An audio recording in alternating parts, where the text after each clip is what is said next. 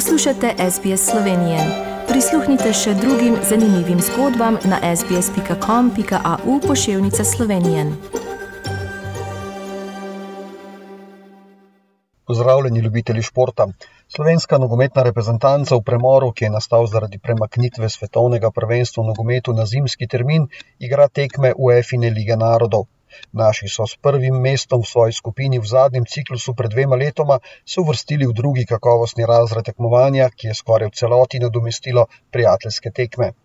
Naša reprezentanca je uvrščena v zelo zahtevno skupino skupaj s Srbijo, Švedsko in Norveško, že pred začetkom pa je bilo jasno, da bo vsaka osvojena točka predstavljala velik uspeh.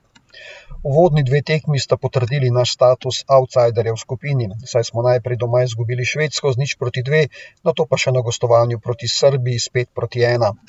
Razočaranje nad prikazanim je glasno izpostavil tudi selektor Kek, ki ga je pred nadaljevanjem prizadel koronavirus in je moral spustiti nadaljevanje junijskega ciklusa, v katerem naši igrajo kar štiri tekme.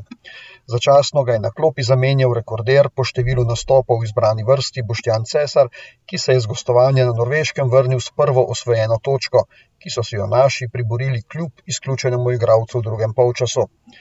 V nedeljo sledi še domača tekma, ponovno proti Srbiji, in vsekakor bo to priložnost za popravo vtisa s prve tekme v Beogradu. Svojo inačico lige narodov v tem času igrajo tudi slovenski odbojkarji. Gre za tekmovanje šestnajstih najboljših reprezentanc na svetu, ki na različnih turnirjih igrajo vsak z vsakim.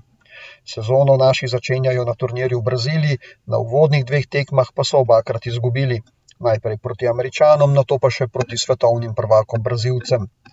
Je pa sedaj tudi uradno potrjeno, da bo Slovenija konec avgusta skupaj s Poljsko sogostila svetovno prvenstvo v odbojki za moške, ki bi ga sicer morala gostiti Rusija. V Sloveniji bomo spremljali pretekmovalni del treh skupin, v eni izmed njih bo igrala tudi slovenska reprezentanca, ter polovico tekem osmine finala in četrt finala. Počasi se začenja ogrevanje pred največjo kolesarsko dirko v sezoni Tour de France. Kriterij Dauphiné velja za uradno generalko pred Tour de Francem, na njem pa letos nastopa tudi Primož Roglič. Dve etapi pred koncem je Roglič v skupnem seštevku tretji s približno minuto zaostanka za vodilnim klubskim kolegom Van Artom. Prihodnji teden bo nekakšno generalko pred Turom gostila tudi Slovenija z dirko po Sloveniji.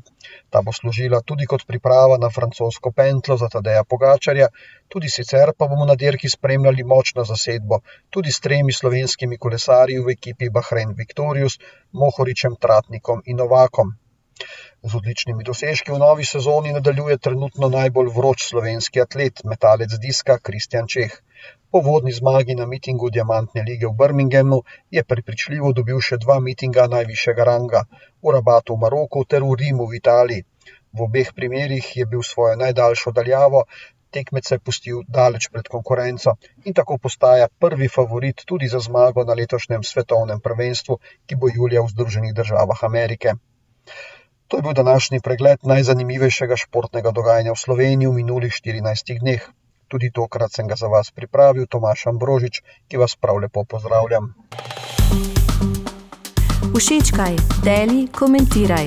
Spremljaj SBS Slovenijo na Facebooku.